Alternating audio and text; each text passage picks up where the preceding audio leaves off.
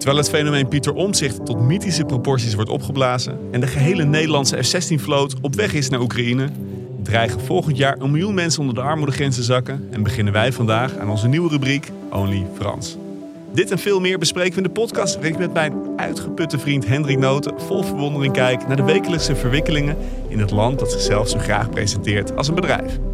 Mijn naam is Sander Heijnen en welkom in de BV Nederland. De kogel is eindelijk door de kerk. Pieter Omtzigt heeft een nieuwe politieke partij opgericht. Het Nieuw Sociaal Contract. En als je gelijk wilt krijgen, moet je aan de macht. En dan is macht geen vies woord, dan is macht een instrument om datgene te doen voor de mensen die jou nodig hebben wat nodig is. Ik heb de heer Wilders rond het kabinetsval horen zeggen... het wordt tijd dat we over onze ego's heen stappen en een frisse start. Ik ben een hele gezellige vrouw, dat is altijd leuk. Ja, Hendrik Noten. Ik weet dat we ons niet te veel op de poppetjes moeten richten. En ik weet ook dat jij het heel graag wilt hebben over jouw vers eh, geboren baby. Maar even eerst de dingen die belangrijk zijn. Wopke Hoekstra. ja, jij dacht, jij dacht, we zijn er vanaf. Jongen, ik heb me, ik heb me, ik heb me zo. Hè, ik, ik, ik heb jou gemist. Gaan we het zo over hebben. Ik ben ook heel benieuwd hoe het met je gaat. Je ziet een beetje pips. Gaan we het ook zo over hebben. Maar ik heb thuis een microfoontje geïnstalleerd. Gewoon zonder, zonder stekkers. Het neemt niks op. Maar gewoon om af en toe even te kunnen ranten. Om het kwijt te kunnen. Want Wopke fucking Hoekstra. Moet je even nagaan. Politiek, bestuurlijk. Die man kan even... Nou, kan helemaal niks. Laten we het even kort samenvatten. Die heeft zo ongelooflijk veel inschattingsfouten gemaakt uh, op de momenten dat het toe deed. Nou ging over sancties, uh, hoe je omgaat met zuidelijke landen tijdens pandemieën, uh, diplomatiek enzovoort. Ondertussen als partijleider, hij heeft, hij heeft het voor elkaar gekregen om het CDA in de peilingen terug te reduceren tot drie zetels. Hè. Ja. Dus de omvang van het SGP, hè, laat het even op je inwerken. Denk, heeft ook drie zetels. En dan vervolgens, op de een of andere manier word je dan beloond met het allerhoogste politieke ambt dat wij hebben als Nederland, namelijk uh, lid van de, uh, van de Europese Commissie. Jij denkt dat een oud Shell-medewerker geen goede klimaatpaus zou zijn in Brussel. dat is wat je probeert te zeggen hier. En, en, dat, en dan ook nog die portefeuille. Nee, maar dit is toch. Kijk, de, de manier hoe ze bij het CDA met Pieter Omtzigt zijn omgegaan, hè, hoe die, uh, die lijsttrekkingsverkiezing net niet won. Uh, maar onder meer waarschijnlijk omdat er met die stemmen is uh, gerommeld. Hè. De vrouw van Omtzigt kreeg toen nou, een berichtje. Oh, oh, oh. Je hebt uh, gefeliciteerd met je stem op Hugo de Jonge. En vervolgens, nou, toen haakte de jongen af. En toen kwam Hoekstra opeens zo voorbij. En dit is de reden dat Omtzigt zo groot wordt. En dat je dan toch nog, dat je dan zo weinig politiek gevoel hebt. Dat je dan denkt, ja, uh, die Europese Commissie. Ik ga het gewoon doen. Ja, het is echt het laatste krampje oude politiek ook, hè, wat dat betreft. Ja, dat... Dus de, de manier waarop we dit twaalf jaar lang hebben gezien met elkaar, volgens mij precies wat je zegt, waar heel veel onvrede over is. En dit soort laatste ja, stuiptrekkingje, denk ik eigenlijk. Ja, en wat, ik, wat er helemaal... Ik zat gisteravond, uh, dus woensdag, nee, dinsdagavond nieuwsuur te kijken. En uh, dus natuurlijk de vraag, hè, want het was dus, Kaag zou het gaan doen. Dat was eigenlijk al besloten binnen het kabinet. Kaag zou de worden, worden voorgedragen. Ze wilde ook graag. Oké, dat is nu dat is wel naar buiten ook. Dat is, dat is nu wel duidelijk. Dat is naar buiten. En vervolgens is de vraag: heeft Rutte heeft eigenhandig besloten om toch Hoekstra naar voren te schrijven? En nu is het verhaal, hè, dus ik slag om de arm, hè, ik kan het niet kunnen checken. Maar het verhaal is dat Van der Leyen, die wilde per se een CDA want die zei: Ik heb moeite op klimaatgebied met de christendemocratische fractie in het Europees Parlement. Dus ik wil graag een christendemocraat. Appeasement. En, Ru en Rutte en Kaag zijn in Europa partijgenoten. En Rutte, die heeft dus nu Hoekstra eigenhandig naar voren geschoven. En die heeft daar iets voor teruggekregen. Rutte doet niks voor niks. Rutte heeft er iets voor teruggekregen. En nou is de vraag: heeft Rutte daar iets teruggekregen voor Nederland? Zou kunnen. Maar de kans is ook wel aanwezig dat Rutte iets heeft teruggekregen voor Rutte. Wat denk jij? Nee, ik, ik vind dit wel heel speculatief allemaal hoor. Het is, uh, ja, nee, ik geef dit, toe. Ik vind dit wel heel erg... Uh, ja, is dit uh, complot denk je? Ja, dit is wel... kijk, ik dacht bij mezelf van ja, weet je, het is voor een jaar. Zo kun je er ook naar kijken. Van, dan moet er toch een nieuwe commissaris komen. Hij gaat dit gewoon nog een jaartje doen. Ja, zijn er nou mensen die dit echt nog willen? Maar als Kaag het toch wil, dan is het toch een uh, trap na richting haar. Als volgend jaar blijkt dat Rutte toch geen uh, docent op een middelbare school wilt worden, hè, wat hij tot nu toe volhoudt, dat hij dat eh, gewoon eh, lekker gaat doen. Dan hebben we het hier nog over. Dan hebben we het hier nog over. dat ja. lijkt me goed. Hé jongen, eh, ik moest hier toch even. Ik, ik heb zoveel opgekropt. Ja, ik gaan we merk Een het. heel seizoen gaan we het over hebben. Ja, ik ben Goeie zomer gehad wel. ja, maar ik ben alweer drie weken aan het werk, joh. Dus ik Ah, zit joh. alweer helemaal. ik heb wel met plezier naar onze eigen zomerserie zitten luisteren. Oh, overigens. Ja, ik vond het best leuk. Ik had ook een paar, maar daar hebben we het misschien straks over. Ik had nog een paar opmerkingen over onze eigen podcast. Maar hoe is het met jou? Ja. Ziet er eh Frisser uit dan ik had eh frisser verwacht, uit dan ik me voel. Maar minder fris dan ik had gehoopt. en je me had gegund. Ja, een beetje mengeling tussen de opwinding van de eerste dag van school. Van het nieuwe, eh, nieuwe schooljaar. Met wel de brakheid van de dag na Lowlands. En dat dan eigenlijk dat laatste al wel zes weken, zes weken lang, als ik heel eerlijk ben. Dat wordt nog een heel lang schooljaar. Wordt nog een heel lang schooljaar op Hoe deze het? manier. Hoe is het?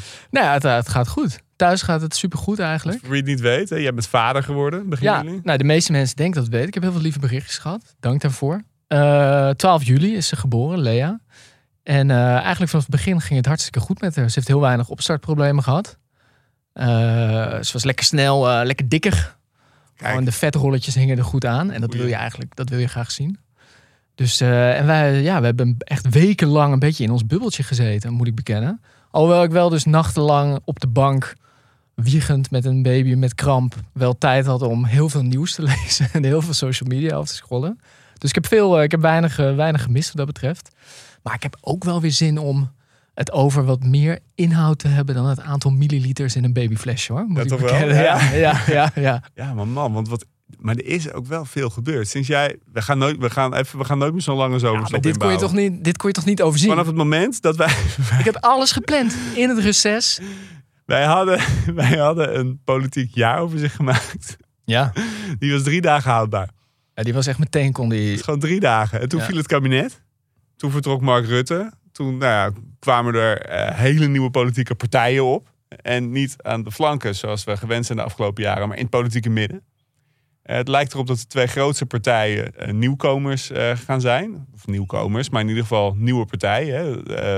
De partij van Pieter Omzicht en eh Verenigd Links. Hè. De fusie van eh PvdA en GroenLinks. Dan mag je dat geloof ik niet zo noemen, omdat daar op de een of andere manier zit er altijd van die semantische gekken die, eh, ja, die, die zich dan toch nog die uniek willen voelen in een eigen hokje.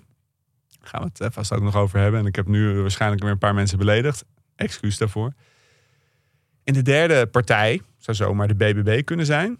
Zou kunnen. Ja, En dat voelt niet eens meer als een nieuwe partij. Voelt een beetje sleet al bijna. Ja, terwijl ze toch nog nooit echt hebben meegedaan. eh Nee, dat klopt. serieuze Maar verkiezingen. hoe heb jij daar naar zitten kijken deze zomer? Want ik, ik, ik heb het... Er gebeurde heel veel in de eerste weken van mijn vaderschap. Moet ik beginnen dat dat wel de weken waren dat ik het, het minst mentaal eh, vatbaar was. Maar hoe, wat, er is zoveel gebeurd. Het leek wel alsof dat vertrek van Rutte zo... Ik zat over na te denken van wat is dit nou? Het leek bijna wel alsof het zo'n verstopte ketchupfles is, weet je wel? Waar je tien jaar lang op staat te rammen 13 jaar. en er gebeurt niks. 13 jaar. En op een gegeven moment dan spuit het er in één keer uit. En als je hele tosti is naar de kloten. Maar hoe, en hoe heb jij daar zitten kijken? Dacht je van, van wat een chaos, wat gebeurt hier? Of dacht je van nou, ik vind het ook wel... Ik word hier wel heel nieuwsgierig en, en ergens ook wel enthousiast van wat er nu allemaal gebeurt. Nou, ik kan je vraag op twee manieren beantwoorden. Dus hoe ik heb zitten kijken normaal, dan gebeurt zoiets. En dan heb ik jou een linkje en jij hebt mij een linkje. En dan zitten we daar eh, over te En ik heb me zo zitten inhouden om jou niet te storen Dankjewel. op je roze wolk. Dus, eh, dus ik heb, mijn, eh, ik, ik heb probe- ge- geprobeerd bij mijn kinderen kwijt te kunnen. Maar die zijn misschien nog net iets te jong hiervoor. Ja, dit vind ik voor... Ja, Al, al, al vinden ze de krachttermen die ik erbij gebruik, vinden ze dan wel weer interessant. Dus eh, die onthouden ze dan wel. Nee, dus hoe ik heb het naar zitten kijken. Ja, echt met, met, met verbazing, verwondering. ook wel een licht, lichte onrust. Hm. Maar toch vooral wel met, met het gevoel, alles is mogelijk. ja. Alles is, we kunnen alle kanten op nu met dit land.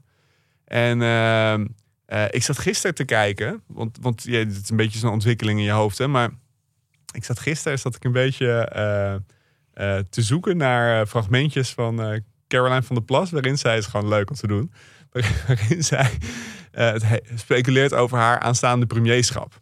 En hoe ze dat dan zou gaan doen. En het is een beetje, ik heb het eens eerder gezegd, het is toch een beetje alsof Ma Flodder opeens in het torentje zit. En nu, als je nu naar de laatste peilingen kijkt, Pieter Omzicht, die eet gewoon die hele achterban van Caroline van der Plas op. En, en dat niet alleen.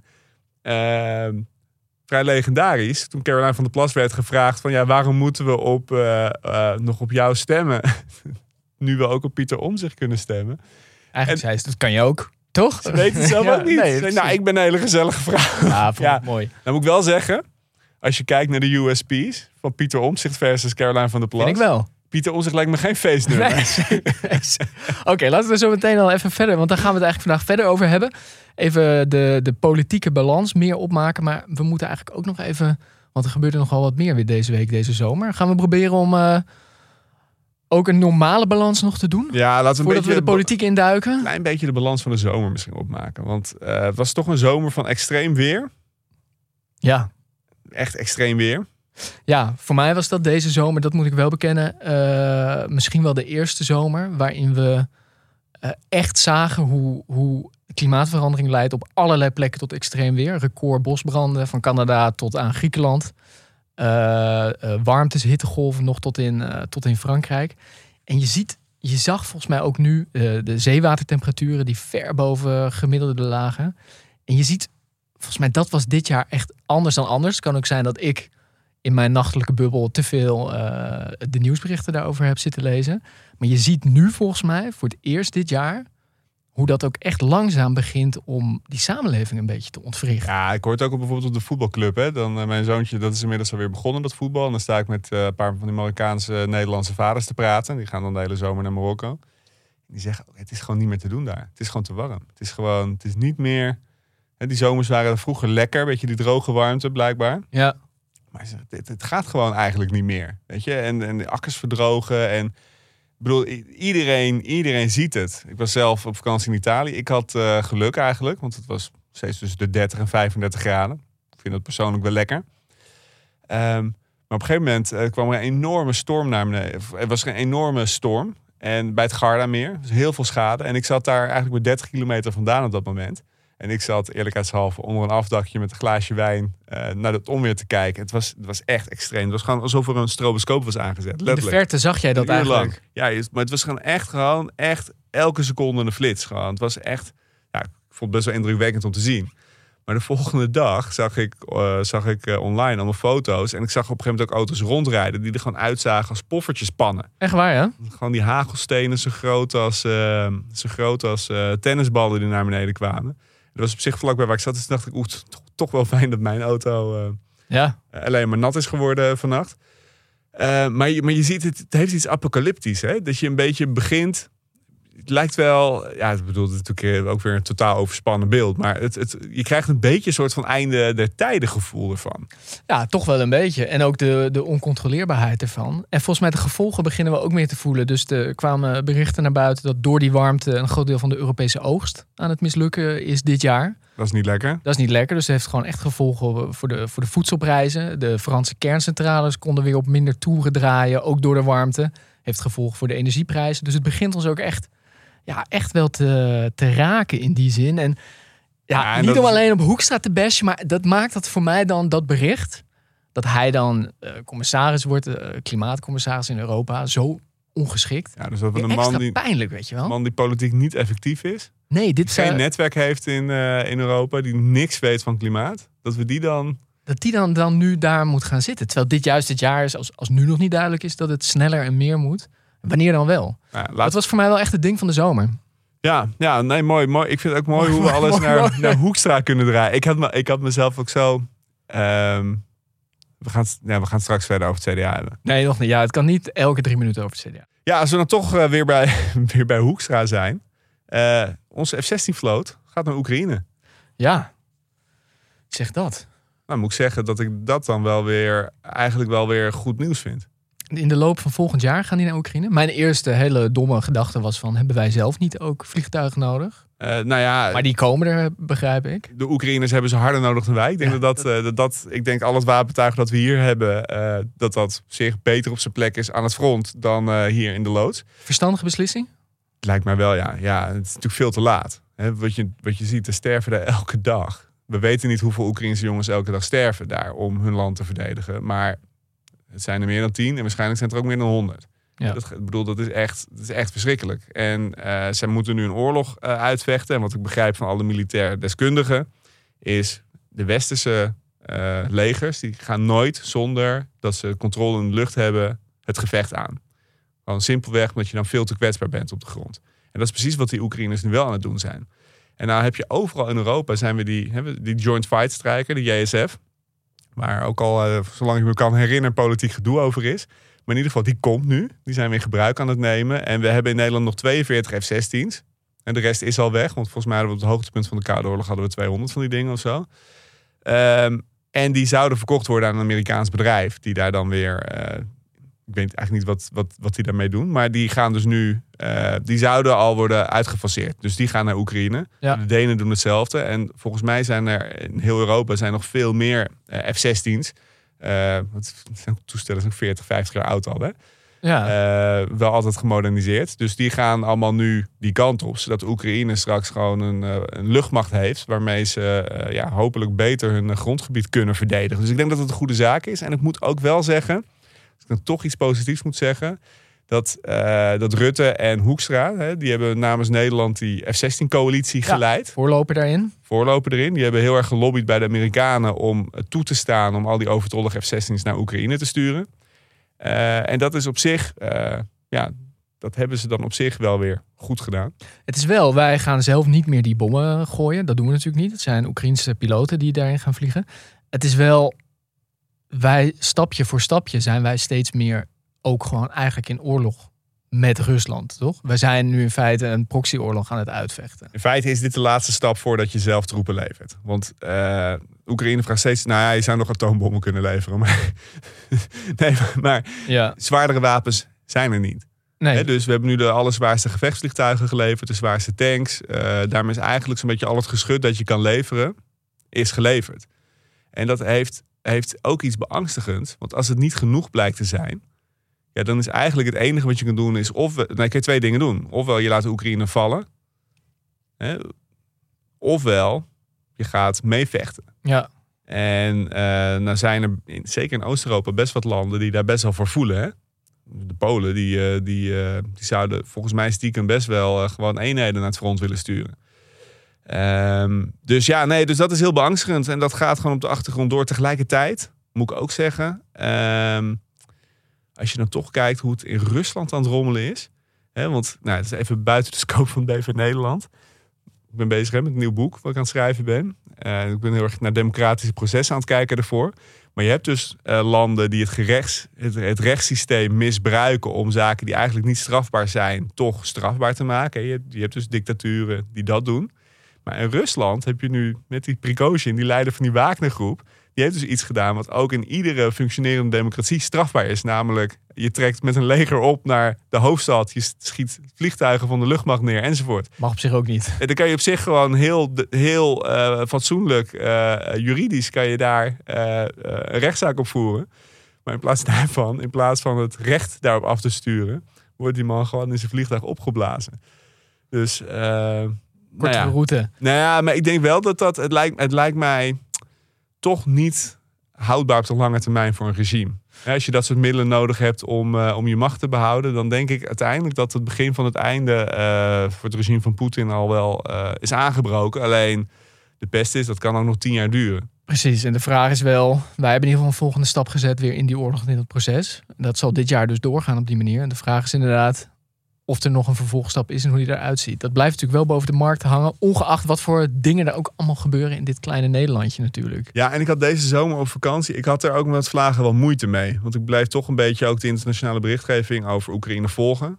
Ehm, en dan zit je daar lekker, weet je wel, in het zonnetje, bij een zwembadje, kinderen lekker aan het spelen. Ik een beetje gewielrend, een beetje boekjes zitten lezen, lekker, lekker zitten eten. Weet je, we waren gewoon lekker gewoon op vakantie. Alsof er niks aan de hand was. Heerlijk, heerlijk. Het is ook een hele fijne zomer gehad. Voelt al wel een tijdje terug.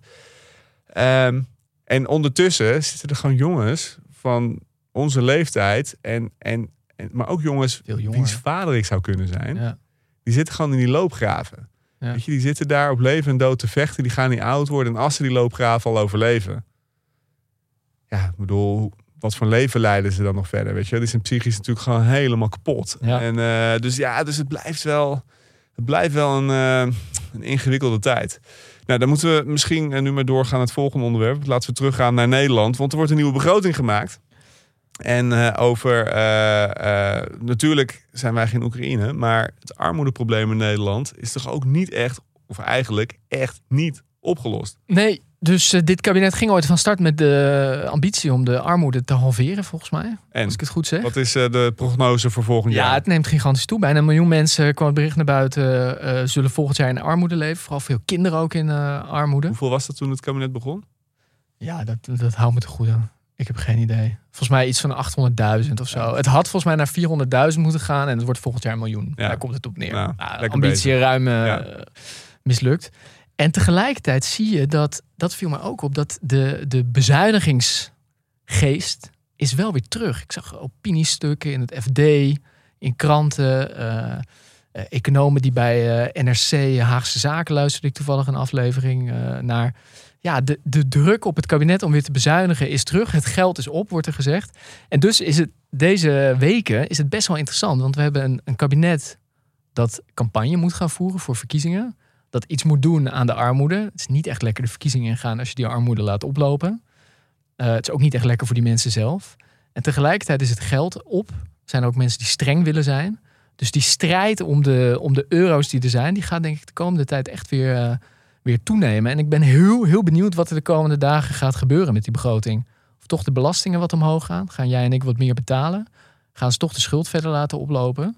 Het is, ja, ik denk dat het een pittig begin ook na de zomervakantie Nou ja, en dat is natuurlijk heel lastig om nu politieke eh, compromissen te maken. Omdat je geen coalitie meer hebt. Hè? Dus, dus als je de belasting Waarom zou iemand moet doen, gunnen? dan wordt de VVD boos. En waarom zouden ze dat inderdaad gunnen aan partijen waar ze toch niet meer aan gebonden zijn? En andersom, hè, als je inderdaad iets aan armoede wil doen. eh, eh, ja, weet je, dat- dus dat, dat is heel ingewikkeld. Tegelijkertijd, als we iets verder uitzoomen, waar ik me dan toch wel weer echt in de categorie. Hè, ik, ik heb een hele fijne zomer gehad hoor, maar Maar je bent toch nog ergens boos over de categorie, de categorie opwinding. Ja? Afgelopen jaar. We weten nog niet wat het precieze bedrag is geweest. Maar we hebben miljarden en miljarden en miljarden aan eh, koopkrachtbehoud eh, geïnvesteerd. Door bijvoorbeeld die energietoelages. Hè, al die, eh, die, die, die twee keer 180 euro die we kregen. Dat energieplafond enzovoort. We hebben echt ongelooflijk veel geld aan uitgegeven. Maar dat was allemaal gewoon eenmalig eh, eh, paraplu. of hoe zeg je dat? Ja, Helikopter. helikoptergeld. Gewoon dat over die samenleving werd uitgestrooid. Mensen met grotere huizen profiteerden meer van die energietoeslag. Of van, die, van het energieplafond dan mensen met kleine huizen. Want die verbruiken meer energie. Iedereen, ongeacht je inkomen, kreeg dat geld. En in- als ze nou toen de moeite hadden genomen om dat geld uit te trekken... om structurele maatregelen te nemen om die armoede te bestrijden... Hè, waarmee je echt mensen daadwerkelijk verheft, hè, uit die armoede haalt... Ja, dan hadden we waarschijnlijk een minder groot probleem gehad voor volgend jaar. Maar in plaats daarvan hebben we gewoon heel veel geld over de balk gesmeten... om eenmalig voor één jaar eh, een beetje de, de, de meubels te redden.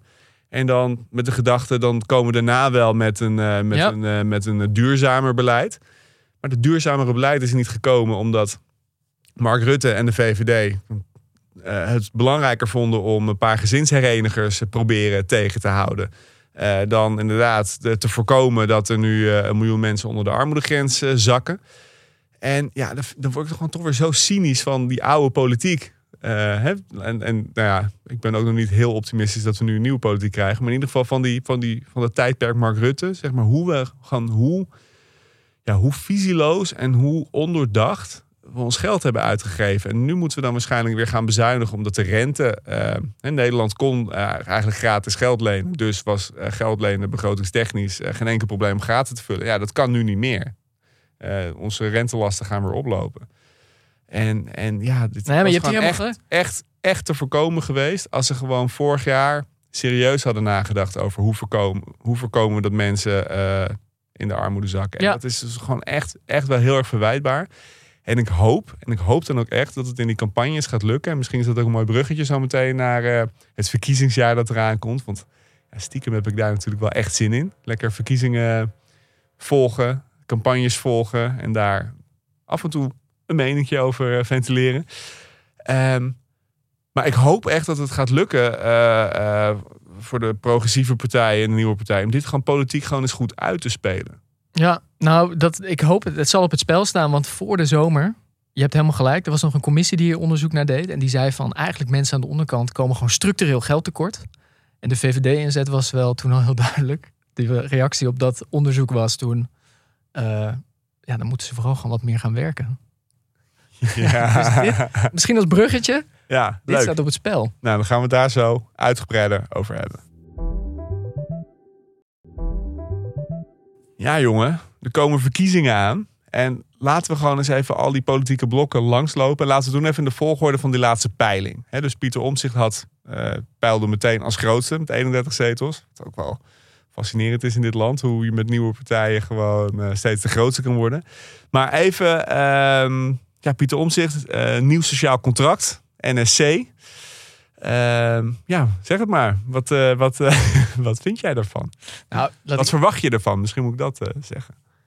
Eh, ik was eerst, toen hij dat aankondigde, was ik toevallig een, een thriller aan het lezen die zich in de Tweede Wereldoorlog afspeelt. In Nederland. Mussers Schaduw heet dat. To- Totaal toeval. Wacht even, waar gaat dit heen? Ja, nou, ik moet het toch even kwijt. En toen ik dat zag, dat NSC. Ja, ik moest toch Jongen, NSB jongen, jongen. Nee, nee, nee, nee, nee, nee. Dit is echt nog lager dan hoe ik Hoekstra altijd aanpak. Oké, oké, oké. Nou, laat ik het dan. eh, laten we. Wat ik fascinerend vind aan Pieter Omtzigt. Kijk, ik vind het goed dat hij zich eh, dat hij een partij opricht. Ik vind het heel goed dat Ja. de partij opricht. Om allerlei redenen. De eerste reden is, ehm, mensen willen het van hem. En ik, ik denk dat het dan belangrijk is. Ik vind het knap dat hij zegt, als er zo'n beroep wordt gedaan, dan moet ik ook proberen om daar aan te voldoen. Hij kan het niet maken om niet mee te doen aan deze verkiezingen. Nee, Dat, nee. nee, dat zou voor de democratie echt slecht zijn. Ja, en dus andersom vind ik het voor de democratie echt goed dat hij het, eh, dat hij het wel gaat doen. Ehm, ik vind het ook heel interessant dat daarmee alles dus op zijn kop komt te staan. Kunnen we het zo meteen over hebben. En wat ik vooral heel fascinerend vind, is dat, eh je zei het al even, blokken. Dat we hebben het heel lang gehad over de versnippering en het midden is weg, et cetera. En dat Pieter Omtzigt eigenlijk gewoon het grote christendemocratische blok, wat het CDA ooit was, de Nederlandse middenpolitiek, dat hij die eigenlijk soort van nieuw leven inblaast. En daar eigenlijk het strijdperk van maakt voor de verkiezingen komende tijd. Ja, en het fascinerende eraan, en daarom eh, ben ik dus alvast, eh, deze geef ik alvast weg, maar volgens mij gaan we daar zo ook nog over eh, in de discussie raken met elkaar. Ik geef hem sowieso het voordeel van de twijfel, omdat hij, hij komt natuurlijk echt voort uit het CDA. En aan het CDA en hoe die CDA, zeg maar, dus niet was ideologisch verzonden, maar gewoon hoe die partij heeft geopereerd de afgelopen 40 jaar als machtspartij. Dat is natuurlijk gewoon, alles is daar vies aan. Maar hij is juist eh, de, de, de belichaming van iemand die, eh, die het slachtoffer is. Of slachtoffer, dat is een beetje te groot woord. Maar die... die, die ehm, een Slachtoffer is wel een groot woord. Slachtoffer is het te groot woord. Ja. Nou, ik denk dat hij dat zelf wel een beetje zou Daar ervaren. kunnen we het zo nog over hebben, ja. Ik denk dat hij dat wel zelf zou ervaren. Maar in ieder geval, die, hè, nou, we hadden het in het begin van de podcast al even over die lijsttrekkersverkiezing bijvoorbeeld. Hè, hoe het establishment binnen het CDA gewoon echt niet wilde dat hij, ehm, dat hij de leider werd. En hoe hij gesensibiliseerd moest worden, zoals eh, Hoekstra dat, eh, dat heeft gezegd. En hoe Rutte eh, functie elders. Hè? Hoe, gewoon, zeg maar, hoe die macht omgaat met dissidente geluiden. Met mensen die kritisch zijn op de macht. Terwijl de essentie van het volksvertegenwoordigerschap, hè, van, het, van het Kamerlidmaatschap, de essentie is dat je kritisch bent op de macht. Daarom zit je daar. Ja. Hè, En van de zomer hadden we al mensen als Henk Kamp en Alexander Pechtold die dachten van dit is een goed moment om eh, de aanval op omzicht te openen. Ik denk dat hun politieke gevoel hen een beetje in de steek liet. Maar hoe eh, Henk Kamp bijvoorbeeld zei, ja, omzicht kan geen verantwoordelijkheid nemen. Ja, ik denk dat dan meteen twee dingen bij. Ten eerste, volgens mij heeft hij jarenlang tijdens die kabinetten Balken en voor ieder besluit eh, wat de coalitie wilde, gewoon getekend bij het kruisje. Dus eh, hij heeft, omzicht is geen heilige. Die heeft ook jarenlang gewoon volledig in die eh, oude politiek gefunctioneerd. En eh, misschien wat te lang. En dat vindt hij zelf misschien ook wel. Alleen hij is op een gegeven moment zijn taak als controleur van de macht is hij serieus gaan nemen. En blijkbaar, blijkbaar vinden de Henk Kamps en de Alexander Pechtold en dus ook het CDA-establishment, vinden dat, die zijn daar niet van gediend. En dat de Kamerlid zijn werk doet. Gewoon gaat kijken, wat is hier aan de hand? En, en als omzicht, zeg maar, dat hè, een nieuw CDA opricht, opricht die, die dat element van het werk belangrijk vinden, dan ben ik nog niet zo ver dat ik erop ga stemmen. Maar dan ben ik er wel heel blij mee dat dat een, eh, een, een, een factor van betekenis wordt in ons parlement. Ja, en dat er misschien ook een extra keuze komt in dat midden naast. Want ik vind het fascinerend. Hè? Het CDA kwam ooit voort uit drie partijen. Ja. Fusie. Eh, dat was ook hun route naar de macht eigenlijk toen de tijd, die fusie. En nu valt het CDA eigenlijk weer uiteen in drie partijen. ja. Ja, want we Nou, houden het Ik zou zeggen ja, twee en een 2,2 kleintje. partijen. Ja. We hebben zeg maar de heel conservatief-populistische kant zit bij Caroline. De hele oude bestuurkant, nou, dat is dan nog het stukje wat Henry Bontebal mag gaan leiden.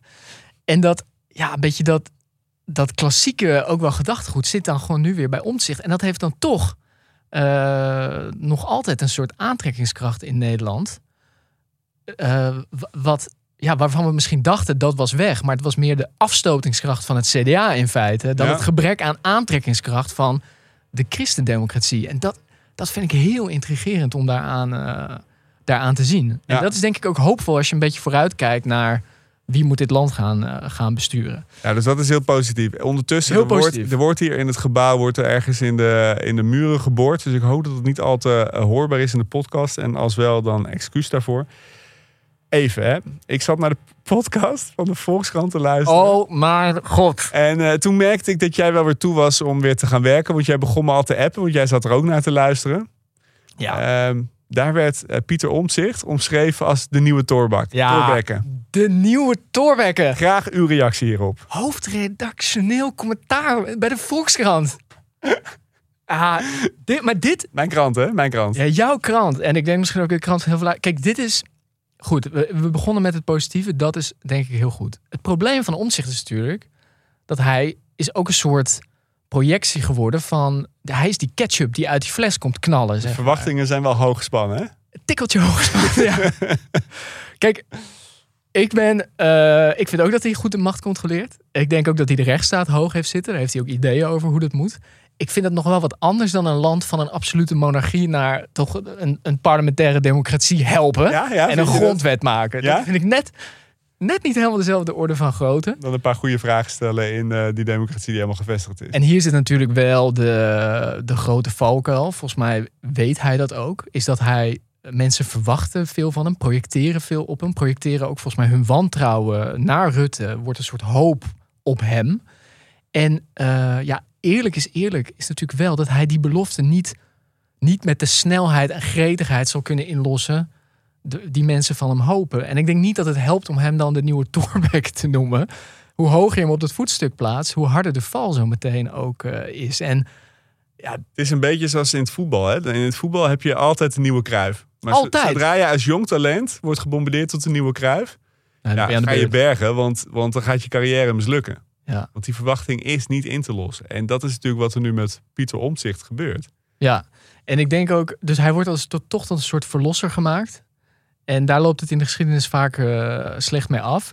Dus volgens mij, eh, wat jij zegt, het democratisch zo goed dat hij meedoet. Het is ook nodig. Het verandert ook het hele speelveld. Het midden is terug, dat is ook goed. Maar laten we wel een beetje waken met dat het ook gewoon een politieke partij is. Die straks in net zulke smalle marges moet gaan opereren als al die andere politieke partijen. Dus volgens mij het symbool wat hij is, is goed. Ja, Maar laten we hem ook wel een beetje de verwachtingen temperen. En het is ook gewoon een politicus. En wat nog, eh, precies, want wat nog, wat nog eh, lastiger wordt, als hij, hij gaat misschien 30 zetels halen. Misschien had hij er wel 40. Maar hij gaat er nooit 76 halen. Dus als hij zijn partijprogramma, wat we nog moeten zien, hè, Precies. dus we weten nog helemaal niet, vind ik ook zo wonderlijk. We weten, helemaal niet. we weten eigenlijk nog helemaal niet wat hij, wat hij gaat doen. Nee. Maar het feit, maar goed, eh, BBB had ook een programma van niks. Eh, en die is ook met de, de, de laatste verkiezingen voor de Eerste Kamer de grootste geworden. Maar we weten dus nog helemaal niet wat hij gaat doen. eh, wat hij wilt met het land. Maar als hij straks weet wat hij wil met het land. En hij wil dat bereiken. Dan zal hij toch mee moeten doen aan machtspelletjes. Dat is nou eenmaal hoe ons eh, meerpartijenstelsel werkt. En dat weet hij natuurlijk donders goed. En dat doet hij ook al. Dus laten we inderdaad ook niet doen alsof hij dat...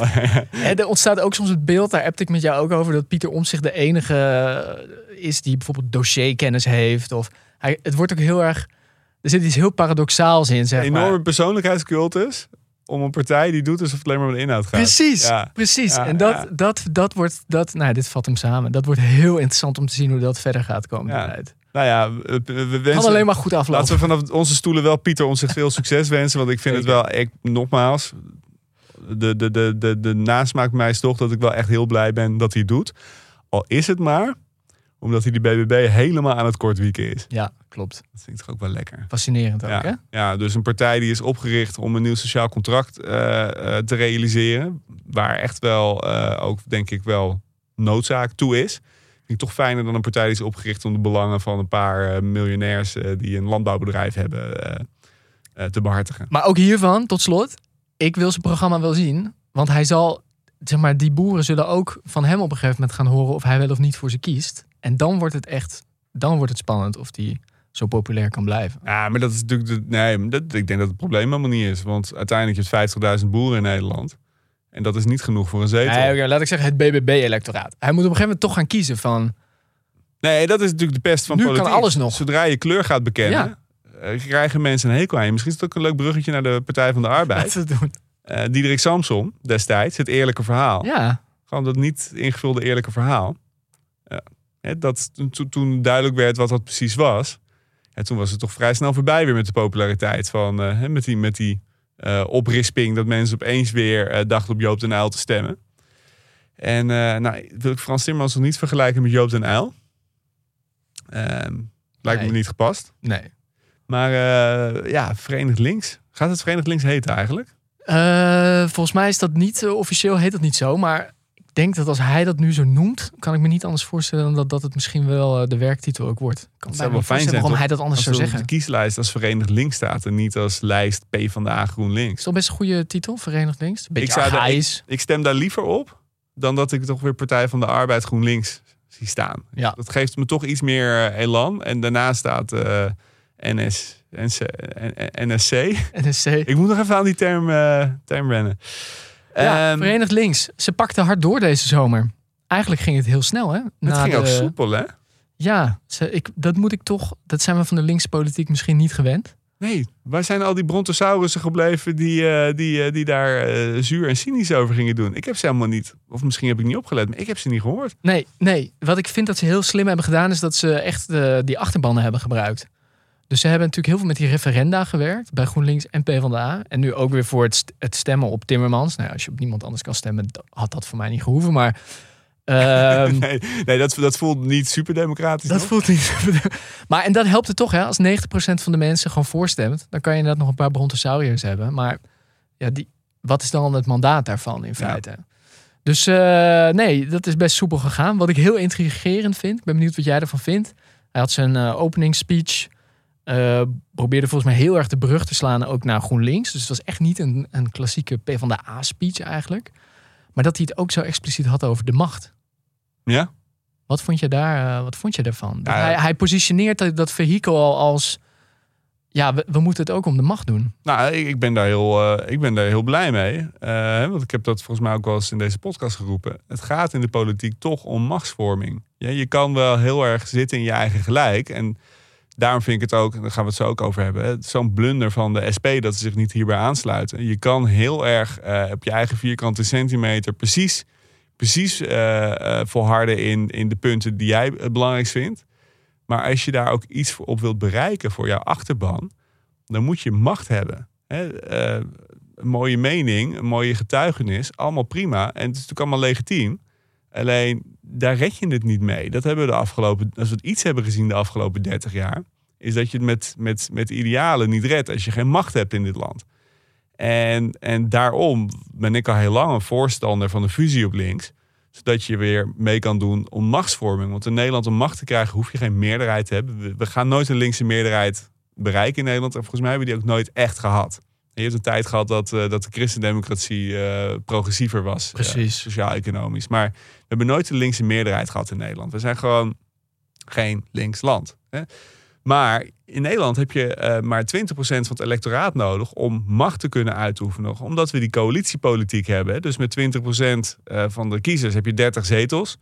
Ja, en met 30 zetels kan je de premier leveren. En als je de premier kan leveren, ja, dan heb je macht. Dan heb je invloed, dan heb je zeggenschap. En daar gaat het om.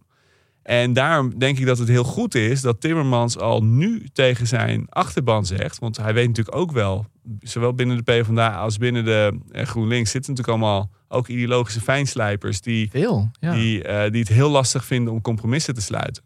Dus hij zegt nu al tegen hen van, hè, wij gaan voor de macht. om een deel van ons programma eh, uit te voeren. En dat gaat ook betekenen dat we een deel niet gaan uitvoeren. Dat zegt hij natuurlijk niet zo expliciet, maar in feite is dat wat hij zegt.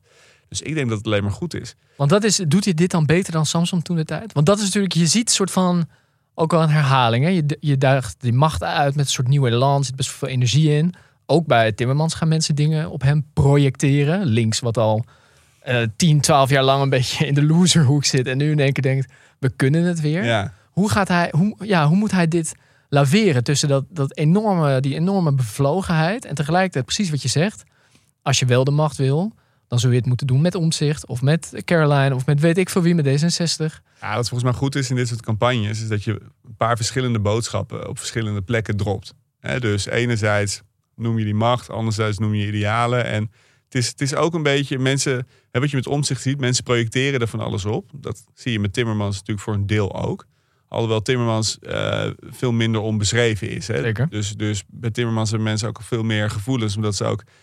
ehm, het is een beetje flauw om daar steeds over te beginnen, maar eh, bijvoorbeeld zo rond MA17, weet je wel, die, die, de fitties die hij heeft gehad met Jeroen Pauw, ehm, die toespraak die hij heeft gehouden in de Verenigde Naties, die heel eh, empathisch was, maar toch niet helemaal bleek te stroken met de feiten. Weet je wat, wat gewoon iedere politicus, als je maar lang genoeg zijn politiek ambt draagt, dan heb je natuurlijk allemaal deukjes en smetjes opgelopen. En dat geldt voor iedere politicus. En dat is op zich niet erg, zeker niet als je eh, daar zelf ook op terugkomt. Waarvan ik niet zeker weet of dat voor Timmermans al het geval is, dat hij ergens dat ooit op teruggekomen is. Nee, precies. Dus, eh, dus, eh, dus, dus. Maar goed, in ieder geval, mensen vinden al wat van hem. Ik heb ook best wel veel mensen gehoord die, die aan de linkerkant van het spectrum staan. Die, die gewoon echt wel grote moeite hebben met stemmen op Timmermans. Dat ze dan toch, ja, ze zien dan toch zo'n, ja, toch een eh, oude, dikke witte Oude man. politiek. Die, Ja. veel, eh, die, die, die zichtbaar eh, veel heeft geluncht in Brussel. Ja. En hij wordt vergeleken met de kerstman qua uiterlijk. Beetje makkelijk, maar ook wel Vind ik ook wel makkelijk. beetje waar. Ja. Nee, maar snap je dus, dus dat je juist in de tijd dat je zou kunnen redeneren, ik stem liever op een, op, een, op, een, op een jonge, frisse vrouw die ook onbeschreven, die nog onbeschreven is, waar je nog van alles op kan projecteren. ja.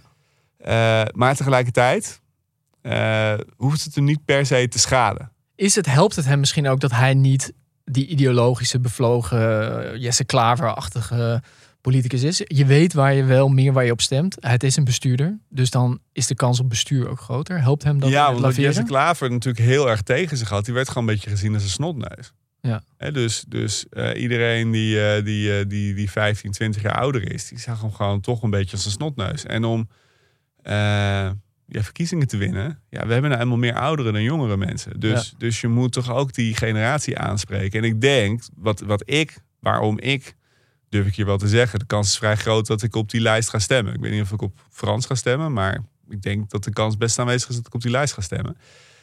Ehm, wat ik er een, een prettig idee aan vind, is dat hij bewezen effectief politiek kan bedrijven. Die New Deal, die Green New Deal, die, die door Brussel. En Brussel is echt, dat is politiek echt ingewikkeld opereren. Hè? Want dan zit je nog met 27 landen, je zit ook met Italië, je zit met al die politieke Ja. families. Je zit met heel veel belangen. Ja, als je daar toch effectief eh, klimaatbeleid weet te formuleren, ja, dan ben je echt wel bestuurlijk, ben je gewoon echt heel sterk. Ja. En ik denk dat dat, eh, dat dat eigenlijk een van zijn sterke punten is. Dus dan kan je natuurlijk kan je heel makkelijk, ja, hij is dik, hij ziet eruit als de kerstman, eh, hij heeft wel sinds verleden, hij is rancuneus, wordt ook wel gezegd. Nou, ik wil het allemaal best geloven.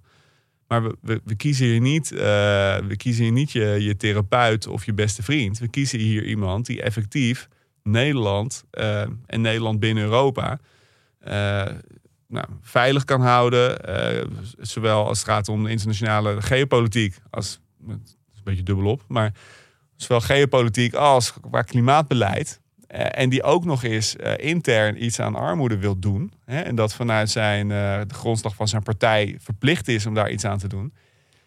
Ja, ik denk dan dat dat, dat, dat, dat, meer kwalificeert om de leider van dit land te worden dan de papieren die Rutte ooit had. Ja. Dan de papieren die Caroline van der Plas heeft. Dan de papieren die Pieter Nee, Omtzigt dat is heeft. helder. Dan de papieren die Jezoekis heeft. Dus zijn ja. uitdaging wordt dus om, om dit, wat zijn pitch is, die, die waardevol is, om dat te blijven verenigen met het activisme, laat ik het zo zetten. De buitenboordmotoren, die natuurlijk die partijen allebei hebben, PvdA en GroenLinks. Ja. En als hem dat lukt, dan heeft hij natuurlijk echt wat in handen. Eh, en ik denk dat dat zijn, inderdaad zijn grote uitdaging wordt. Ja, dat moet zijn claim to fame worden. Ja. Hey, zullen we even de, de, de nieuwe jingle instarten? Ja? Want uh, we hebben een rubriek. En ik denk dat dit wel pas het moment is om uh, erover te beginnen. Maar uh, eerst de jingle. In Brussel zit die Timmermans. Vous insistez, le président en moi, on peut aussi... Dat noem ik de groene gek, die is helemaal nee, losgeslagen. Die Green Deal is niet een blauwdruk. Maak hem nou niet zo groot! Essere sicuri che nel futuro... Nou, maak hem nog eens zo groot als hij de ruimte krijgt. Dan, dan, dan ontregelt hij nog erger het land als klaargooien kan doen. Only Frans. Only Frans kan het land nog meer schade toebrengen dan Sigrid Kaag. Goeie tekst. De aanval op uh, Frans is ook wel geopend deze zomer meteen, ja. hè? Ja, dit is dus fascinerend. Uh, deze, volgens mij hebben wij deze zomer ontdekt, ik heb ontdekt, jij wist dit volgens mij al, dat we hebben in Nederland een categorie, veelal mannen, alhoewel er ook een paar vrouwen toe behoren, in de commentatorklasse, waarvan ik dacht dat die seksistisch waren. Ja. Die hebben het uh, jarenlang op Sigrid Kaag gemunt en ik dacht van ja, die hebben het gewoon niet zo op, op vrouwen.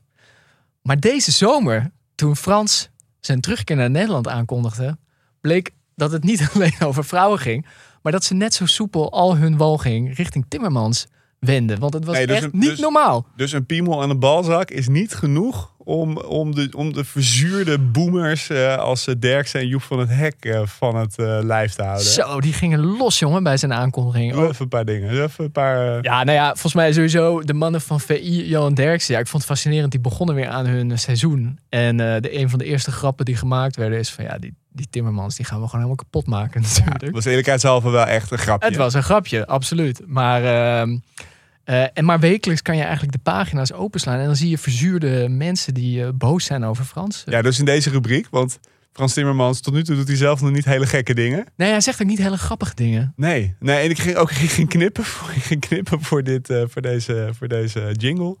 En hij, hij is heel plechtig. Hij is heel deftig. Ja. Hij is heel ernstig. Het is eigenlijk alsof je naar een dominee zit te luisteren. Ik had echt, uh, ik heb in mijn jeugd heb ik iets te veel zondagen in kerken doorgebracht. Daar heb ik daarna ruimschoots voor gecompenseerd door er nooit meer heen te gaan. Maar uh, dat, dat plechtige, dat domineeige, dat heeft hij heel erg. Maar de mensen die over hem praten, daar gaan we het denk ik in deze rubriek Ja, dus ik zag deze week toevallig Joep van het Hek. Die heeft blijkbaar nog steeds een column in NRC.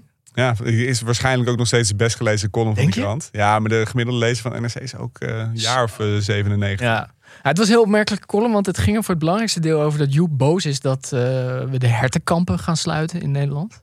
Zo, hebben we die nog? Ja, die hebben we nog.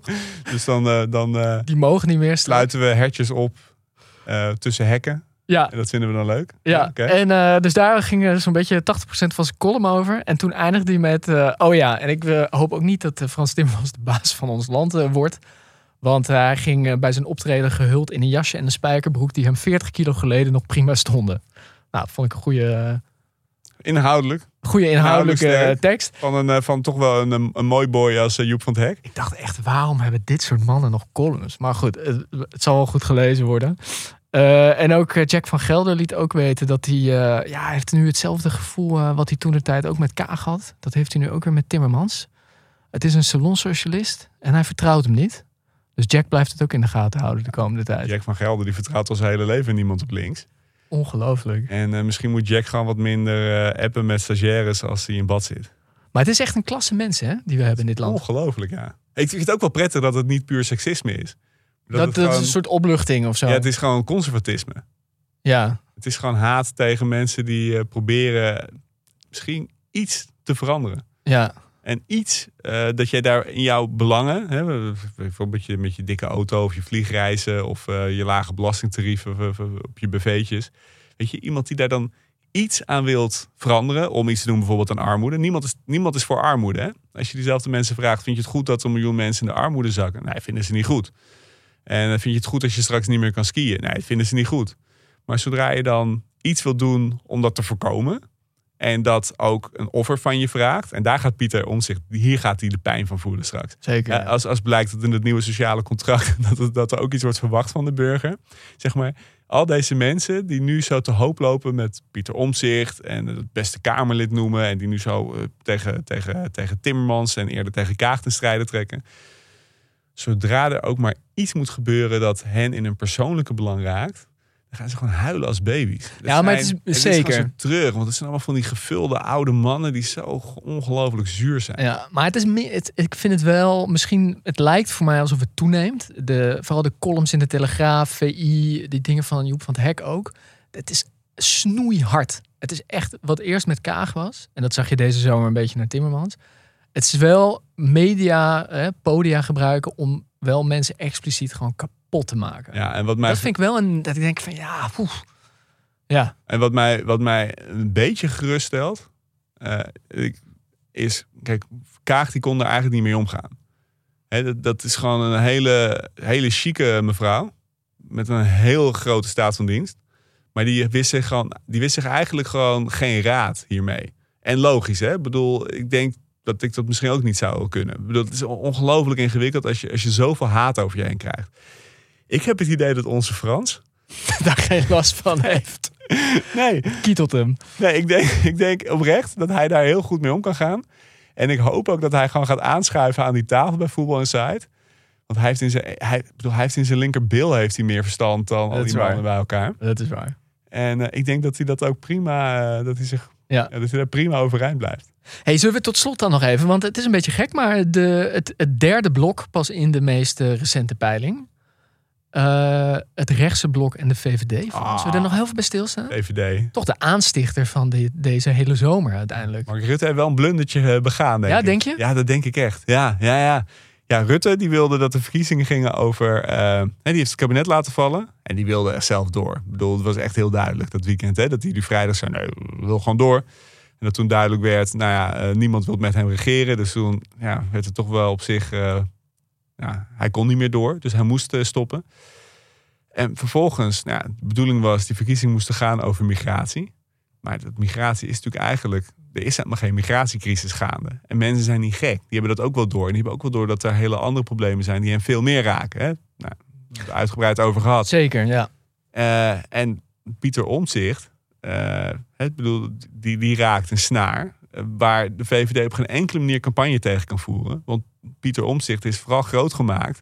door hoe de VVD dit land heeft bestuurd. Dus, dus zij, kunnen, zij kunnen Omtzigt niet aanvallen. Nee, want zijn punt, het goede bestuur, dat is eigenlijk slash het slechte bestuur van de VVD, toch? Dat, Ja. Die echo zit daar in Ja. feite achter. En iedereen, iedere aanval van de VVD op omzicht straks, dat, wordt, dat maakt omzicht groter.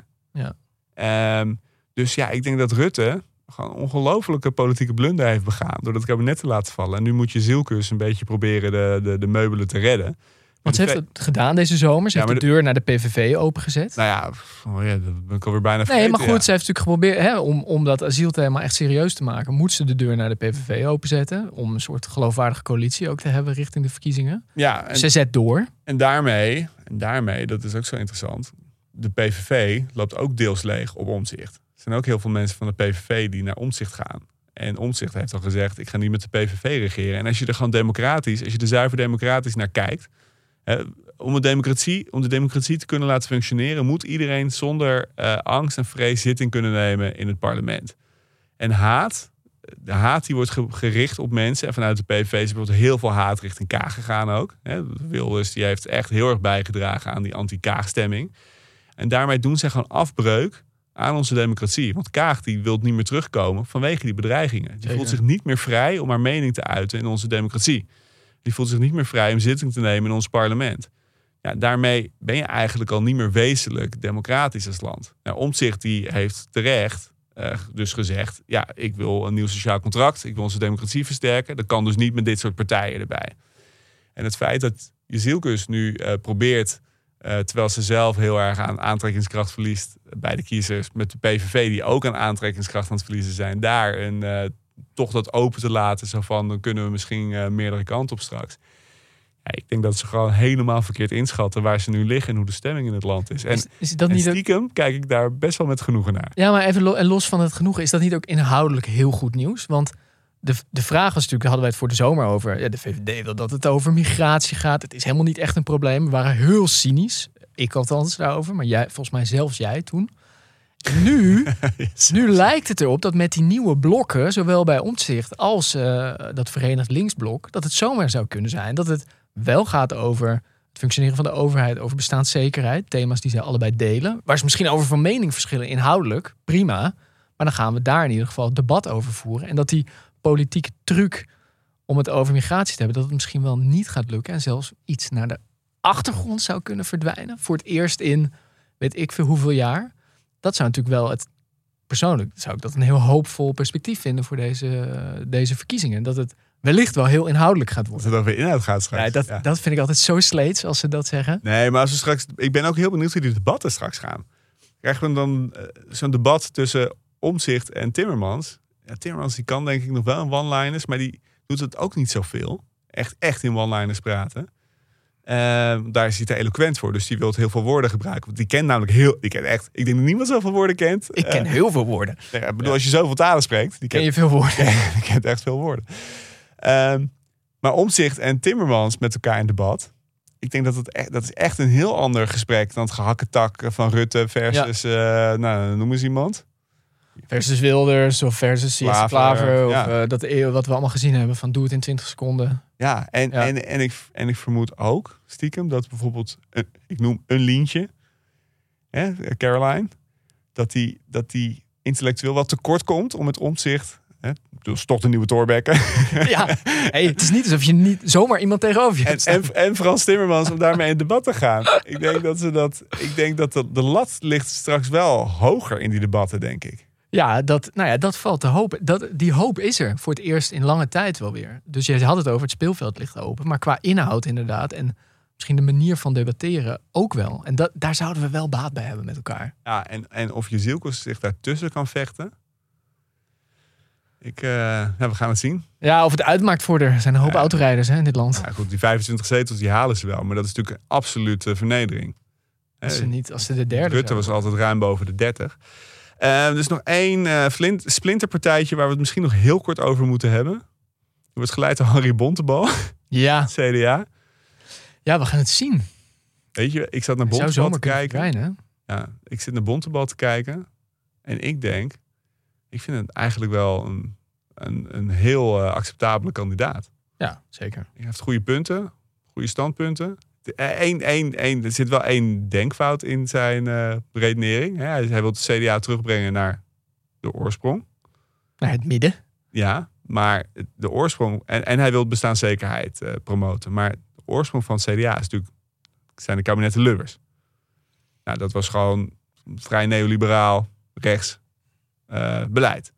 Nou, toen kwam Balkende. Dat was ook vrij neoliberaal, rechts beleid. Hè, dus, dus de oorsprong van het CDA is natuurlijk dat beleid... waar hij nu tegen te hoop loopt. En hij zegt, ja, maar ik wil terug naar het oorspronkelijke CDA... waarmee ik denk dat zijn pitch en niet eh, heel doordacht is. En eigenlijk ook gewoon eh, volstrekt kansloos is. Ja. Ehm, op, als het gaat om klimaatthema, maar ook de manier van opereren, denk ik dat het een hele integere en acceptabele politicus is.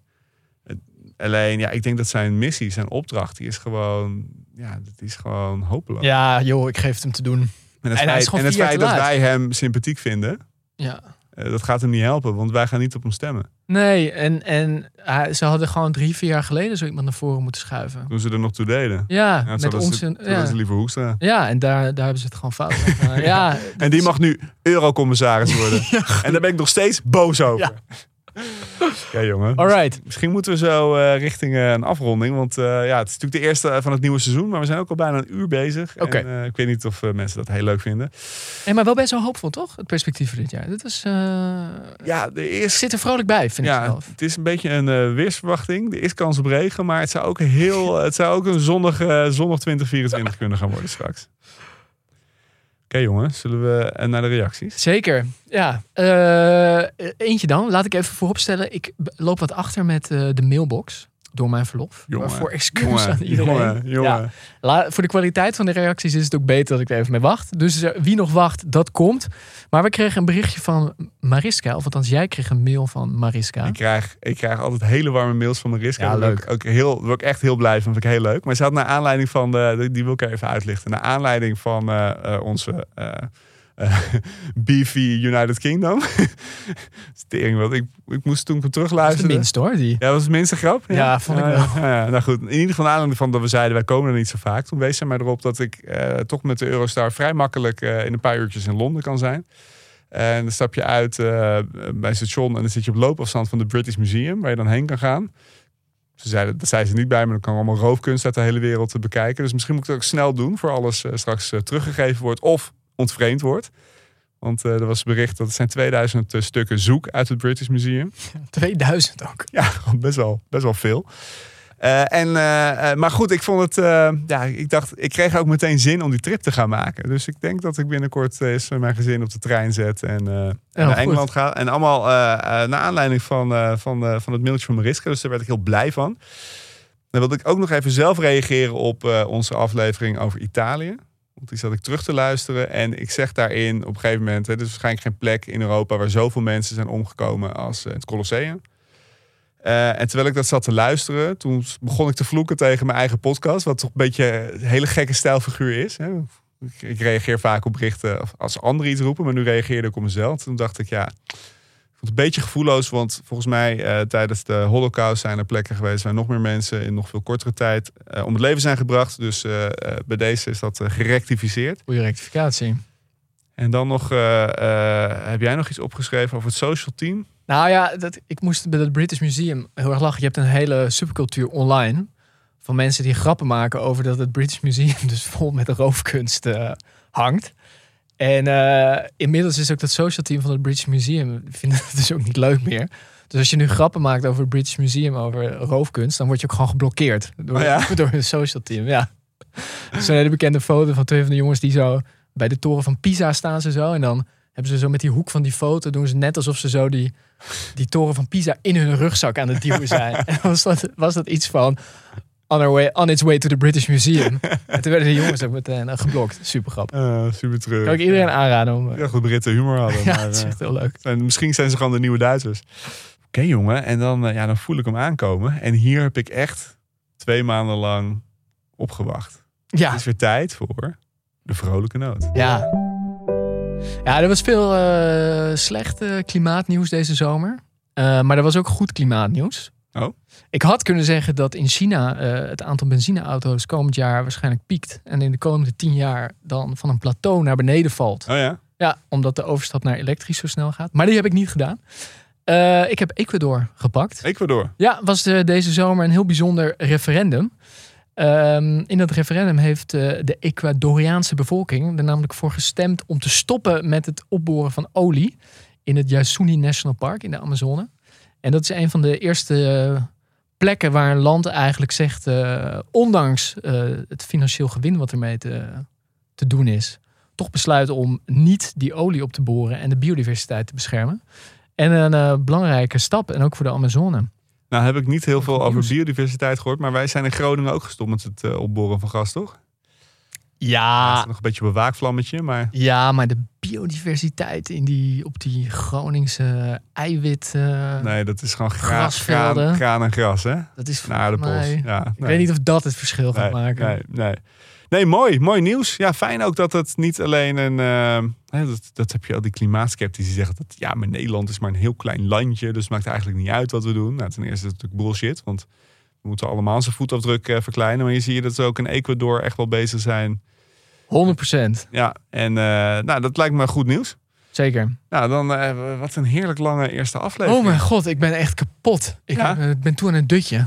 Ja, ga hier zo bij die, die Podimo-bank, denk ik, even lekker... Ja. Het is hier stiller dan thuis. Moet, misschien moet je thuis zeggen dat je voortaan vijf keer per week een podcast opneemt. Oh, en dan kom je hier gewoon even lekker op die bank liggen. Een beetje bijkomen, een beetje slapen. Heerlijk. Maar ik heb goed nieuws voor je. Vanaf maandag mag je gewoon weer voltijds aan de slag. Je gewoon weer lekker aan het werk. Heb je al een crash eigenlijk? Ik kijk er zo tegenop. Ja? Ja, ik heb een crash, ja. Ah, Ja, dus dat is wel, dat is wel fijn. Nou, dan neem je nog een weekje vrij en dan ga je eerst een week slapen. Terwijl eh, Lea naar de crash gaat. Ja, ik, ik, ik ben benieuwd volgende week. We, we, we spreken elkaar dan weer. Dus eh, zeg ik tegen iedereen dank voor het luisteren. We zijn er hoe dan ook. Ehm, eh, in welke sfeer en welke energie, dat gaan we zien. Maar volgende week weer een nieuwe aflevering. Ehm, heb je in de tussentijd vragen, opmerkingen? Ik ga het bijwerken. Dus je kan echt mailen naar bvnederland.creator-podimo.com. Maar je kan ons ook opzoeken via Instagram of op LinkedIn. Instagram BV Nederland of gewoon lekker Hendrik Noten, Sander Heijnen. Stuur ons daar een berichtje. Deel de afleveringen vooral met anderen, want we zijn er weer. En wat een seizoen gaat het worden. Ik denk dat er heel veel gekke dingen gaan gebeuren. Ik heb er heel veel zin in. Daarmee gezegd. En nu echt voor deze week even gezwegen. Tot volgende week. Tot volgende week, jongens.